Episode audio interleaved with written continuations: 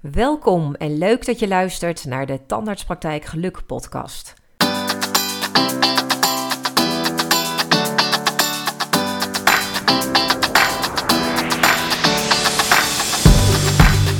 Mijn naam is Marcia van Wermerskerken en met deze podcast ga ik jou als tandartspraktijkprofessional inspireren om zoveel mogelijk werkgeluk te realiseren.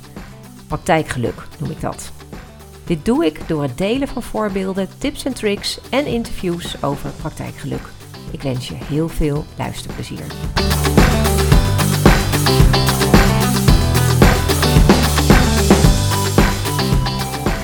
Leuk dat je er weer bent. Uh, een nieuwe aflevering en dit keer wil ik in mijn podcast stilstaan bij regie op de werkvloer.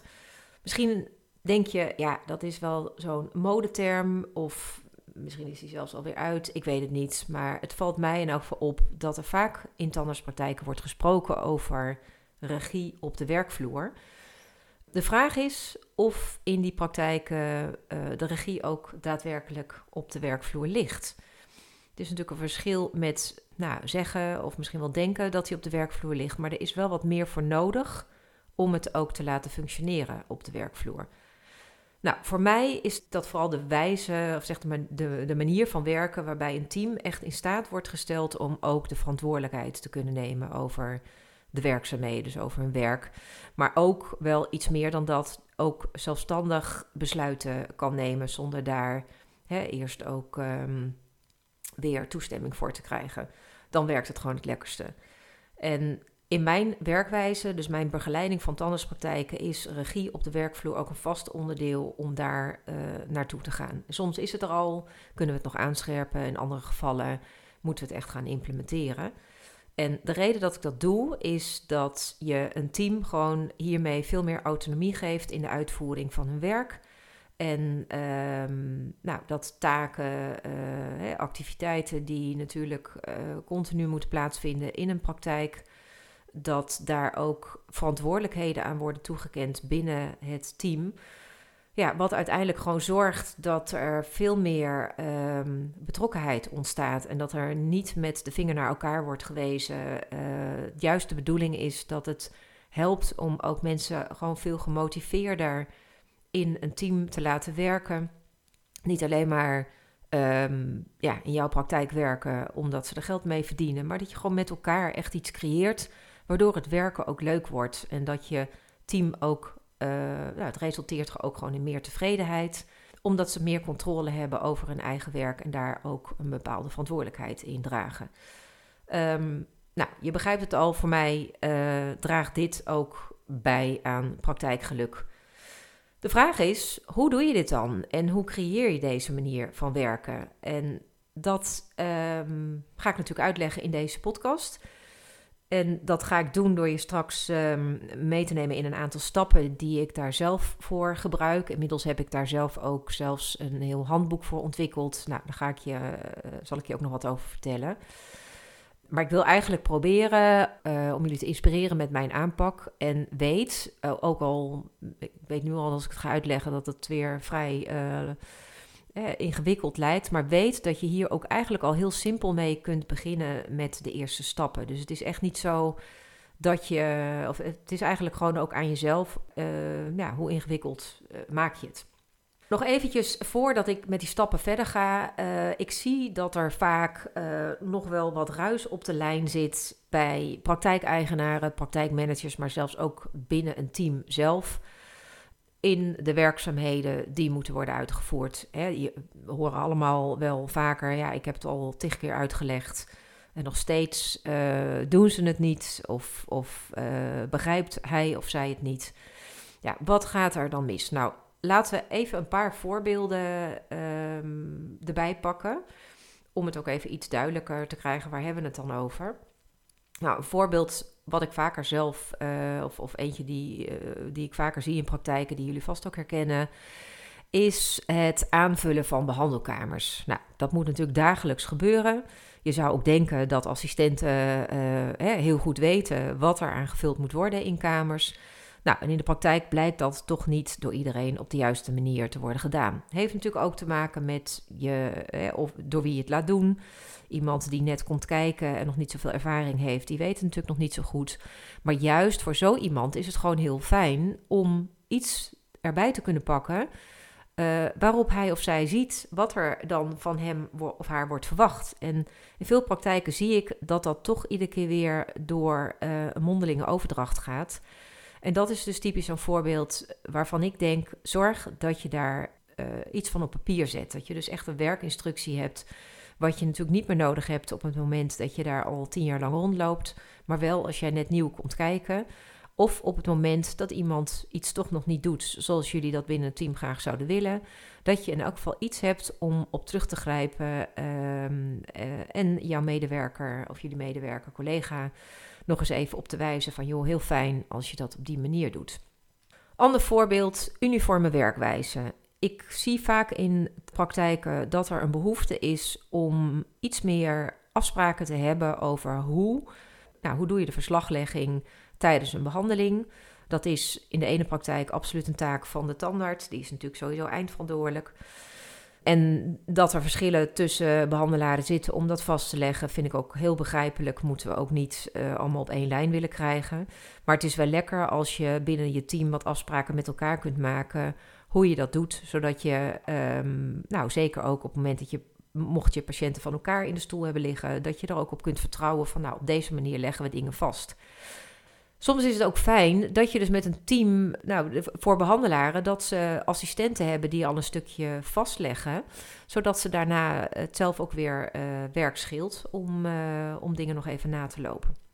Nou, ook daar kan je dan met elkaar weer afspraken over maken. Hoe doe je dat? En op het moment dat je die allemaal mondeling hebt, dat kan natuurlijk binnen een team heel lang goed gaan. Maar als er dan weer nieuwe mensen komen kijken of er verandert wat in de praktijk, dan is het vaak weer lastiger om het dan ook uh, op één lijn te houden. Nou, wat, wat trouwens ook nog wel een goed voorbeeld is, is dat jullie herkennen vast allemaal ook die situaties dat je te maken hebt met een defect of met een storing.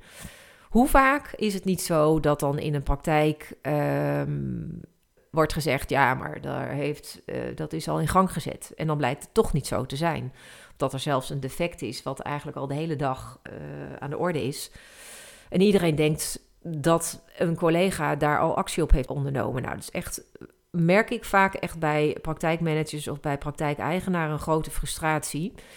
En, en eentje waarvan wordt gezegd van, nou jeetje, kunnen ze dan niet zelf uh, de, de, uh, daarover nadenken, terwijl op de werkvloer vaak iets heel anders speelt, namelijk, ja, ik wist niet dat wij dat zelf in gang mochten gaan zetten. Nou, dat zijn allemaal typisch van die voorbeelden Waarbij het gewoon heel fijn is als je daar wat helderheid met elkaar over uh, schept.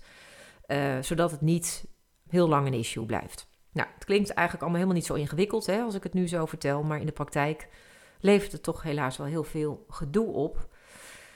Dus dat is voor mij absoluut de reden. En een van de dingen waarmee ik dan in de praktijk begin: van laten we vooral eens even kijken dat we verder gaan dan alleen maar de protocollen, waar jullie als praktijk natuurlijk sowieso uh, mee werken. Dan heb ik het echt meer over de klinische protocollen.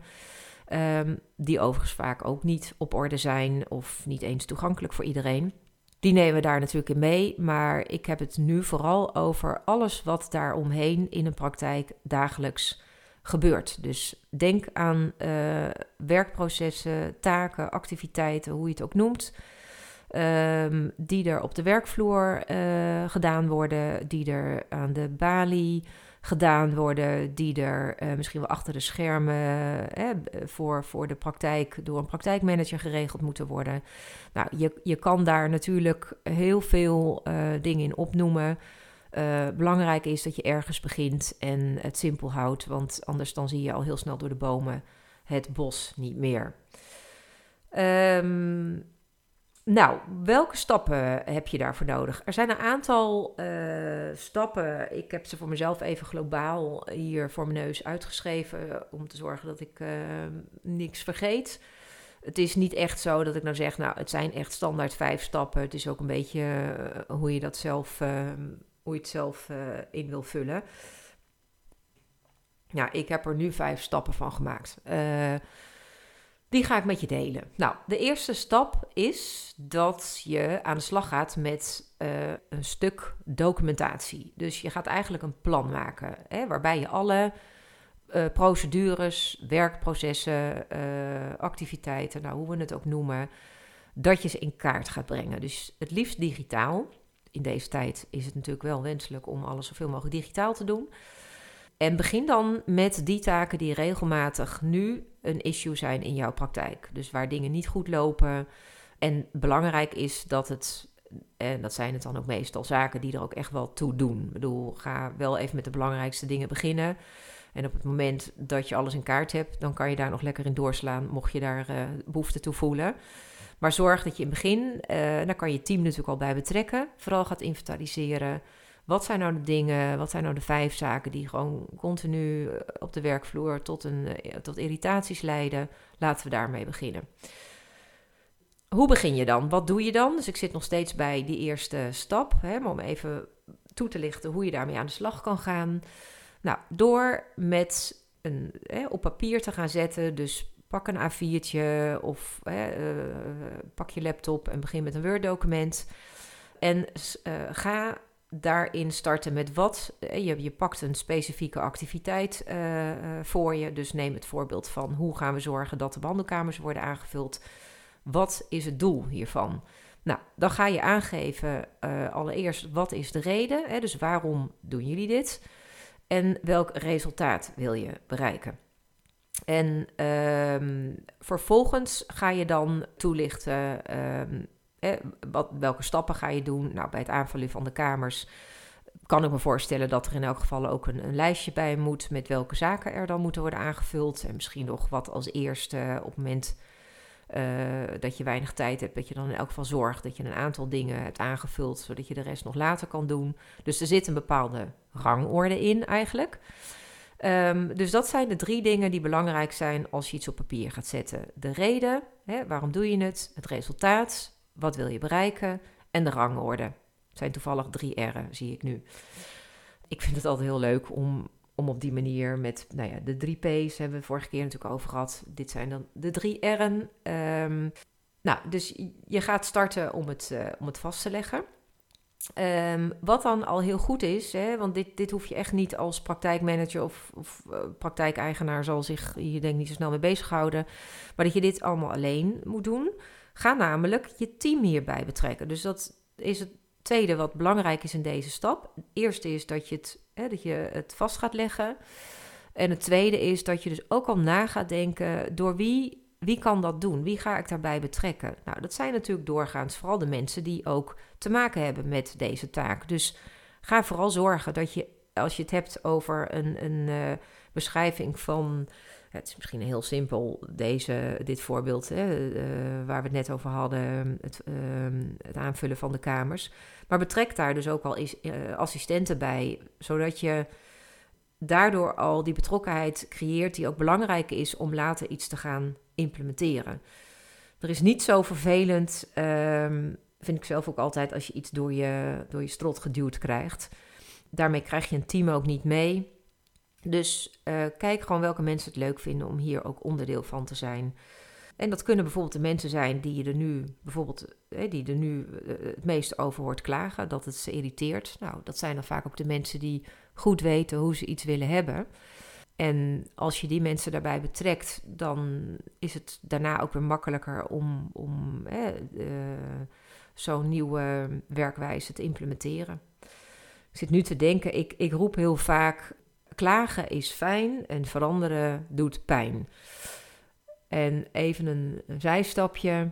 Ja, ik kom natuurlijk in praktijken waar wat aan de hand is.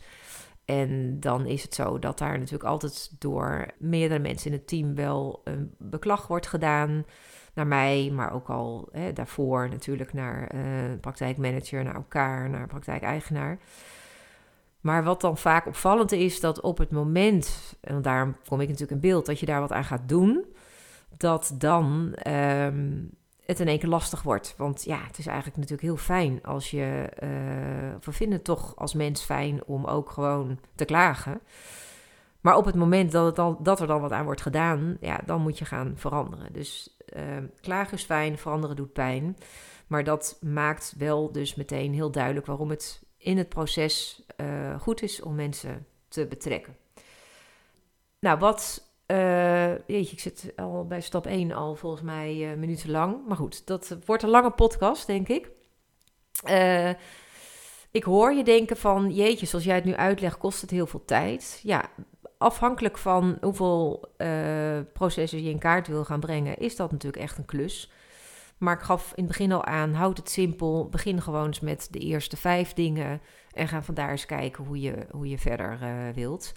Um, en deze investering is uiteindelijk um, eentje die je ook echt gaat opleveren. Dus die frustraties die er nu zijn, die heb je straks veel minder. Um, mensen zijn uh, gelukkiger in hun werk. Wat uiteindelijk ook weer kan resulteren in dat je nou, misschien wel mensen beter kunt vasthouden, hè, minder verloop hebt. Dus denk ook echt ook na over wat het je oplevert in de toekomst. En niet alleen maar wat het je kost. Hè. Wat kost het je als je het niet doet? Dat is ook een goede. Als laatste voor deze eerste stap wat je ook gaat zien is dat terwijl jij dit aan het vastleggen bent, dat er ook een stukje bewustwording uh, ontstaat binnen jouw team, hè, de mensen die daarbij helpen, bij, jullie bij jouzelf. Omdat ook duidelijk wordt, terwijl je dit aan het doen bent, waarom in het verleden dingen niet goed gingen.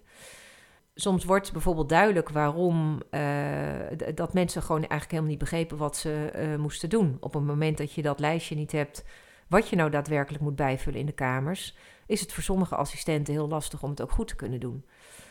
Kan ook zijn dat er sprake is van tijdgebrek. En doordat je dit nu in kaart brengt, zie je ook in één keer nou, veel duidelijker dat daar ook eens naar gekeken moet worden. assistenten zijn natuurlijk altijd mega druk. En uh, de ene, zeker als er wordt uitgelopen en je moet toch alle uh, werkzaamheden goed uitvoeren, ja, dan, dan is het heel lastig. Dus tijdgebrek is vaak ook iets wat heel inzichtelijk wordt als je dit soort zaken in kaart brengt. Van jeetje, het kost ook echt veel tijd om dit goed te kunnen doen.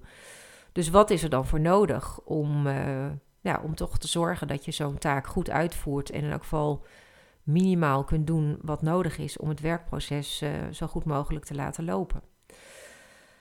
En iets ja, wa wa wat je ook nog wel eens ontdekt, is dat er soms gewoon middelen ontbreken om een taak goed te kunnen doen. Denk aan op het moment dat je uh, in de praktijk werkt met een scansysteem. En ik hoor nog wel eens dat zo'n scanner dan niet altijd goed werkt. Ja, dan is het ook gewoon lastig om te zorgen dat iedereen uh, de spullen ook inscant als je uh, iets pakt. Oké, uh, dat tot zover stap 1. Ehm, de tweede stap die belangrijk is, en dat ontdek je eigenlijk al een beetje als je bezig bent met het in kaart brengen van alles. Hè, dat het ook belangrijk is en dat je na gaat denken over wie heeft nou eigenlijk welke verantwoordelijkheid. En dat is wat je in deze stap doet: dat je dus de verantwoordelijkheden gaat toekennen en de taken gaat verdelen binnen je team. Dus je bepaalt de mate van autonomie en ja, welke, uh, welke zaken hè, wie moet doen, welke besluiten iemand mag nemen. En ja, ik werk daar zelf altijd heel graag met een versimpelde, een vereenvoudigde versie van het Raki-model. R-A-C-I-E. Google maar eens, dan vind je er van alles over. Dat is echt een, eh, een nou, redelijk bekend model. Ja, en daarom ben ik zelf eigenlijk gaan werken met een uh, wat uh, een meer eenvoudige versie. En die zal ik je toelichten. Ik werk met um, eigenlijk drie rollen: de U van uitvoerend en de V van verantwoordelijke. Waarbij um, ik met de verantwoordelijke in elk geval werk met een eerste en een tweede verantwoordelijke. Dus eigenlijk zijn het twee rollen waarbij je die verantwoordelijke dan nog verder kan uitsplitsen. Um, de U van uitvoerend, dat is een rol die je toekent op het moment dat iemand de taak mag uitvoeren. Nou, het blijft een beetje hangen in het voorbeeld van het bijvullen van de kamers. Maar een, een, uh, het kan natuurlijk ook een, uh, een checklist zijn die, um, uh, die je dagelijks invult. Hè, de, de lijstjes die, um, die op de kamers hangen. nou, wie mag dat allemaal ehm, doen?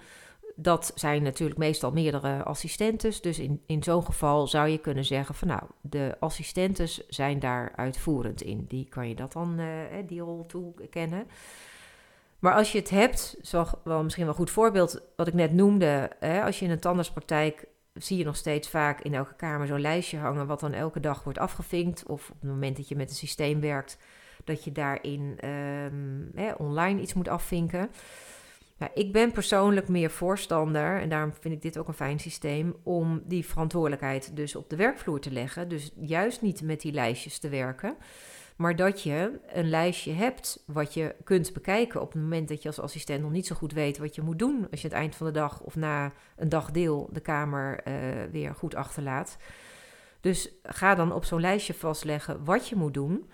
En uh, de verantwoordelijkheid leg je bij de assistenten neer dat ze dat correct uitvoeren. En zorg dat je één iemand uh, of twee personen verantwoordelijk maakt om dat ook af en toe eens te controleren. Nou, dat kan natuurlijk dagelijks, maar ik denk als iedereen, je mag er ook, vind ik, op vertrouwen dat als je het eenmaal goed hebt vastgelegd en iedereen zou moeten weten wat hij moet doen, dat iedereen dat ook doet. En dat je dan, um, nou in elk geval wekelijks, ook wel eens hier en daar even wat steekproeven uh, neemt om te kijken of het ook zo gebeurt. Nou, dan kan zo'n verantwoordelijke, uh, dat kan een assistente zijn, hè, dat kunnen twee assistenten zijn, dan is het natuurlijk handig dat, uh, dat er altijd eentje in elk geval uh, op de werkvloer aanwezig is. Dus vandaar dat ik ook zeg van als je een eerste en een tweede verantwoordelijke hebt, kan je dat op twee manieren uh, inzetten. Um, hè, dan heb je altijd een backup. Als de ene er niet is, dan pakt de andere het op. Um, dat is natuurlijk handig op het moment dat je met parttimers te maken hebt. Maar je kan het ook gebruiken op het moment dat je wel fulltimers in je praktijk hebt. Van nou, dan is er altijd eentje die dat doet. En op het moment dat hij of zij met vakantie is, pakt de andere het op. Meestal zie ik dat praktijken uh, het echt gebruiken uh, voor die parttimers, zodat er altijd wel één iemand is die daar wat meer de regie in houdt. En die hoeft daar natuurlijk niet echt met een, met een vinger te wijzen uh, naar collega's die het niet goed doen. Um, maar ja, misschien soms ook wel. Weet je, het gaat er vooral om dat je het vertrouwen op de werkvloer wil neerleggen. Dat mensen het gewoon goed doen. Dat ze weten wat ze moeten doen. En op het moment dat er toch wordt gesignaleerd, of misschien wat wordt geklaagd binnen een team, dat iets niet lekker loopt. Nou, dan is zo'n verantwoordelijke degene die dan eerst hè, ook gaat kijken wat gaat hier mis. Dit is dus ook een lekker systeem voor, um, ja, voor jou als praktijkmanager of voor jou als praktijkeigenaar. Omdat je hiermee heel duidelijk maakt: oké, bij wie moet ik zijn op het moment dat het minder goed gaat of iets niet lekker loopt. En dat je niet te maken hebt met een heel team. Uh, nou, ik overdrijf hier en daar natuurlijk een beetje, hè, maar uh, dat je eigenlijk denkt van ja, god, waar begin ik? Nou, uiteindelijk leg je dat dan vast in een, uh, in een overzicht. Uh, ja, ik doe dat bijvoorbeeld in een Excel-overzicht. Dan kan je gewoon aan de ene kant heel makkelijk aangeven welke um, taken zijn er. Aan de andere kant ken je dan die verantwoordelijkheden toe. Um, dus die zaken die je in stap 1 gaat vastleggen, hè, die kan je dan hier uitsplitsen. Nou, dan kom ik op de volgende stap, de communicatie. Um, hele belangrijke, eigenlijk gedurende uh, dit hele proces waar je dan in zit. Uh, het is ook niet zo dat dat nou stap 3 is, maar vergeet vooral die communicatie niet. Want op het moment dat je hiermee aan de slag gaat, is het ook al goed dat je daar je team over informeert. Hè, waarom doe je dit? Uh, en blijf ook daar jouw team over informeren gedurende het, het uh, traject. Is natuurlijk vaak is er in of een, een, iets wat vaak als onplezierig binnen een team wordt ervaren, merk ik, is dat er gewoon veel te weinig wordt gecommuniceerd. Wat, wat gebeurt er? Weet je, er wordt binnen het management wat uh, in gang gezet en het team weet helemaal niet waar, uh, waar ze mee bezig zijn. Dus realiseer je als je dit als praktijkhouder of praktijkmanager op gaat pakken, dat je daar de communicatie niet in overslaat en jouw team voortdurend in informeert, over informeert. Dat doe je natuurlijk al omdat je um, er als het goed is ook mensen bij betrekt. Maar denk dan ook even aan de collega's die daar niet direct in worden betrokken. Nou, dat kan je natuurlijk doen doordat je misschien wel ehm, communiceert eh, in een groepsapp. Misschien communiceer je via een, een, een, een systeem. Um, of dat je een mail doet. Je kan er zelfs een webinar aan koppelen. Of, of tijdens vergaderingen dit natuurlijk met elkaar delen. Maar zorg dat je daar ook regelmatig. Eh, een nieuwsbrief is natuurlijk een goede. Dat je daar ook weer een update over geeft. Een volgende fase. Ja, het zijn eigenlijk misschien wel meer fasen waar je, waar je in zit. Hoewel die communicatie natuurlijk door het hele traject loopt. Maar de fase uh, nadat je dingen in kaart hebt gebracht en dat je ook de verantwoordelijkheden hebt toegekend, is dat je het gaat doen. Dus je gaat het implementeren. En um, nou, afhankelijk van ja, hoe groot je het ook aanpakt binnen de praktijk. Um, kijk, op het moment dat je echt best wel heel veel processen in kaart hebt gebracht dan zou ik zeggen, uh, bijt daar echt wel een bijeenkomst aan. Hè? Misschien eh, is het wel nodig om mensen ook te trainen hoe je met dit systeem gaat werken. Um, ja, houd je het wat eenvoudiger. Uh, zorg dan dat je in elk geval de mensen die uiteindelijk zo'n verantwoordelijke rol krijgen, dus een V uh, zijn in bepaalde, of krijgen in bepaalde taken, dat die mensen ook weten wat er van ze verwacht wordt. Dus dan werkt het gewoon wel lekker dat je in elk geval één op één ook even met deze mensen doorneemt van joh, dit is nu hoe we het gaan doen. Um, meestal hebben ze daar natuurlijk ook al in, in het samenstellen een rol gehad. Dus dan kun je ook met deze mensen bespreken van nou, wat is er voor nodig om dit ook binnen het team verder um, goed te kunnen implementeren. En ja, iets wat hierin echt wel belangrijk is, ga dit doen op het moment dat je um, in je praktijk nou, ook al te maken hebt met een cultuur waarin vertrouwen is. Op het moment dat je dat dat echt iets is wat in jullie praktijk speelt, hè, dat er geen vertrouwen is, ga dan eerst aan de slag met zorgen dat dat er komt. Dan kan dit, hè, deze stappen kunnen daar natuurlijk ook bij helpen. Maar uh, vertrouwen is wel echt essentieel om um, autonomie te geven aan je team hè, en om dit alles ook te laten slagen. Dus je hebt een ander traject te gaan als je daar, um, als je daar tegenaan loopt. Maar goed, dat maakt het dan iets ingewikkelder voordat je hiermee uh, kunt starten. Uh, dus als die cultuur er nog niet is, ga dan echt eerst daarmee aan de slag. Nou, op het moment dat je het hebt geïmplementeerd, dus uh, hè, dat, dat is de fase waarin je dus gaat doen, dan uh, ja, krijg je vanzelf uh, de situatie, mensen gaan ermee werken. Uh, het is ook belangrijk dat ze daar echt een tijdje mee werken. Je zult ook daar zien dat mensen daar ook weer wat van vinden. Het is natuurlijk toch een verandering die je doorvoert. Dus daar zal ook echt, zullen ook wel wat klachten of geklaag of mensen wat van vinden. Nou, dat is oké. Dat mag er gewoon zijn. Hè. Soms is het ook goed om even. Um, nou, voor sommigen voelt het misschien als ongemak, maar om, om dat gewoon even te ervaren. Uh, en ga dan ook niet meteen het weer willen veranderen. Uh, dus laat vooral die fase van de implementatie, het doen, ook een tijdje duren. Pak daar bijvoorbeeld een paar maanden voor. Dat je zegt, nou, we gaan dit eerst drie maanden zo doen. En daarna gaan we kijken, gaan we evalueren hoe het gaat. Dus dat is dan de, de laatste stap, de laatste fase, fase 5. De fase waarin je gaat evalueren, dus waarin je eigenlijk gaat checken. Ja, hoe bevalt dit? Hoe gaat dit? En dat kan je, daar kan je natuurlijk dat kan je in verschillende vormen gieten. Daar kan je uh, ook weer een, een, uh, uh, nou, een teamsessie aan wijden waarin je dus met elkaar uh, gaat beoordelen van levert dit ook echt de gewenste resultaten op. Je kunt het natuurlijk ook heel goed splitsen dat je zegt, nou dat doen we binnen de balie. Datzelfde doen we ook voor de verschillende taken voor de werkvloer. Nou, daar kan je denk ik zelf wel uh, een invulling aan geven. Um, en dan is het ook belangrijk om te kijken van hoe gaat het, hoe, hoe is dit hè, deze nieuwe werkwijze voor de werkvloer, de mensen die ermee werken, en hoe is het voor het management? Het moet natuurlijk voor iedereen ook wel een meerwaarde zijn. En niet alleen maar uh, uh, een ideaal plaatje voor het management. Uh, dat, dat, lijkt me duidelijk. Ja, weet je, wat, wat hierin echt belangrijk is, luister ook echt naar je team. Hè? Dus de feedback die dan gegeven wordt, ga met elkaar ook kijken wat werkt er wel en wat werkt er niet. En waarom werkt het niet? Weet je, op het moment dat je eigenlijk constateert dat de, ehm, eh, het proces zoals jullie het hebben vastgelegd niet wordt opgevolgd of niet goed wordt opgevolgd, ja, dan kan je dus eigenlijk nog niet goed beoordelen of het werkt.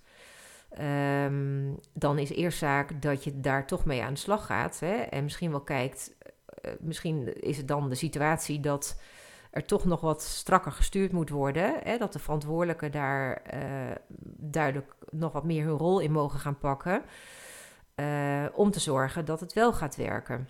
Maar het kan, hè, dus je hebt eigenlijk altijd twee situaties die dan een beetje aan het licht komen als je gaat evalueren. Eén, we hebben eigenlijk nog niet gedaan wat we wel voor ogen hadden, wat we zouden doen. Uh, en het andere kan zijn dat dat wat je um, bedacht hebt om te gaan doen, dat dat toch verder aangescherpt moet worden. Of in het ergste geval dat het gewoon niet werkt. En dat je dus opnieuw moet gaan kijken hoe je het dan zou willen doen. En het zou natuurlijk ook een combinatie van deze twee kunnen zijn. Maar dat is eigenlijk wat je gaat doen op het moment dat je gaat evalueren. En vervolgens ga je dan samen bepalen welke acties er nodig zijn om dat weer aan te scherpen. Dus dan ga je eigenlijk weer terug naar stap 1. Ja, als ik het nu zo met jullie deel, zou je kunnen zeggen, die fase, na de fase van evalueren komt er nog een fase waarin je de acties gaat verwerken. Maar het zit ook wel een beetje hierin. Um, ik denk dat sommigen van jullie ook al wel in dit wat ik nu deel, de PDCA-cyclus herkennen. de, de Plan, Do, Check, Act cyclus. Um, ik heb ze net al een beetje bewust genoemd terwijl ik de stappen toelicht. Um, dus dat is eigenlijk ook de cyclus waarmee ik graag werk in praktijken om gewoon continu uh, ja, tot, tot verbeteringen te komen. Je, je bedenkt iets en daar ga je mee aan de slag met elkaar. En vervolgens kun je het steeds verder aanscherpen. Uh, en dit is ook gewoon een lekker model om als praktijkhouder of praktijkmanager gewoon heel consequent mee te kunnen werken. Uh, waarmee je uh, het uh, regie op de werkvloer leggen steeds verder kunt aanscherpen. Nou, tot slot, want ik kom denk ik zo'n beetje aan het einde, ehm, nog twee tips. Ik heb ze al een beetje genoemd. Maar wees niet te perfectionistisch. Ga hier gewoon echt. Het is lastig voor mensen die dat wel zijn om dat niet te zijn. Um, maar goed om te weten dat doordat je uh, op deze manier gaat werken, gaat dit, zeker met zo'n PDCA-cyclus, uh, zichzelf vanzelf uh, verbeteren. Nou, help door niet te helpen. Doordat je dit vooraf al helemaal perfect wil hebben, stimuleer je eigenlijk ook niet dat het team juist de regie gaat pakken. Uh, laat ze vooral ontdekken wat wel en niet werkt. En op het moment dat je dat al helemaal perfect uh, aan het doen bent, ja, help, is het eigenlijk helemaal niet helpend. Dus geef ook vooral ruimte om het verder met elkaar uh, tot een succes te maken. En wees, hè, dat is dan de tweede tip, ook een beetje flexibel daarin. Dus sta vooral open ook voor nieuwe ideeën of, of benaderingen. Um, zodat je daarmee juist ook um, nou, die, die regie op die werkvloer uh, legt. Dat mensen ook zien dat je dat doet. En dat dat dus ook uh, nou, leidt tot een stukje innovatie en creativiteit vanuit je team. Nou, dat was eigenlijk een beetje wat ik, uh, wat ik met jullie wilde delen. Word jij nou geïnspireerd door mijn verhaal? Weet dan, ik noemde het in het begin al, dat ik hier uh, een heel handboek voor heb gemaakt. Een digitaal handboek, waarin al die werkprocessen, werkinstructies, al die activiteiten die in een uh, tandartspraktijk plaatsvinden, heb ik allemaal al op schrift, of, of ik moet eigenlijk zeggen digitaal vastgelegd. Dus je hoeft dat, als je denkt van nou ik heb hier helemaal geen zin in, niet helemaal zelf nog eens uh, het wiel in uit te vinden voor jouw praktijk. Ik heb, uh, ik, we, hebben daar een praktijkmanagement en kwaliteitshandboek voor ontwikkeld. Dat bieden we aan op Medic Plek. Kennen sommigen van jullie al. En als je het niet kent, kijk vooral eens even op de site van Medic Plek en Medic met een C. Plek met een K.nl. Uh, daar kun je zien wat dat systeem inhoudt. Het is een heel fijn uh, communicatie- en documentatieplatform waar je met je praktijk op kunt werken. En daar bieden wij dus ons handboek aan, het praktijkmanagement en kwaliteitshandboek. En um, Dental Q Management, misschien kennen sommigen van jullie het wel. We zijn nog een beetje aan het nadenken over die naam. Dus misschien heet het straks wel anders. Um, en ja, eh, Medic Black is een platform uh, specifiek voor zorgorganisaties om heel fijn met jouw praktijk uh, te schakelen en te zorgen dat de documentatie en de communicatie gewoon lekker soepel verloopt. En als je daar met ons handboek op gaat werken, dan um, kun je het vervolgens zelf op maat gaan maken. Dus dan hoef je niet meer helemaal het wiel uit te vinden. Dan zijn alle basisstappen al voor je vastgelegd. En kan je het verder, hoef je het eigenlijk alleen nog maar op maat te maken. Wil je meer weten? Heel leuk. Um, laat het even horen. Uh, je kunt ook mijn site dentines.nl uh, met dubbel S even checken. Je mag mij een mail sturen naar team.dentines.nl of zoek mij even op op LinkedIn. Um, heel leuk om je daar meer over te vertellen en uh, je misschien wel verder in te kunnen inspireren. Ik wens je een hele mooie dag en uh, natuurlijk heel veel praktijkgeluk. Ik hoop tot de volgende keer.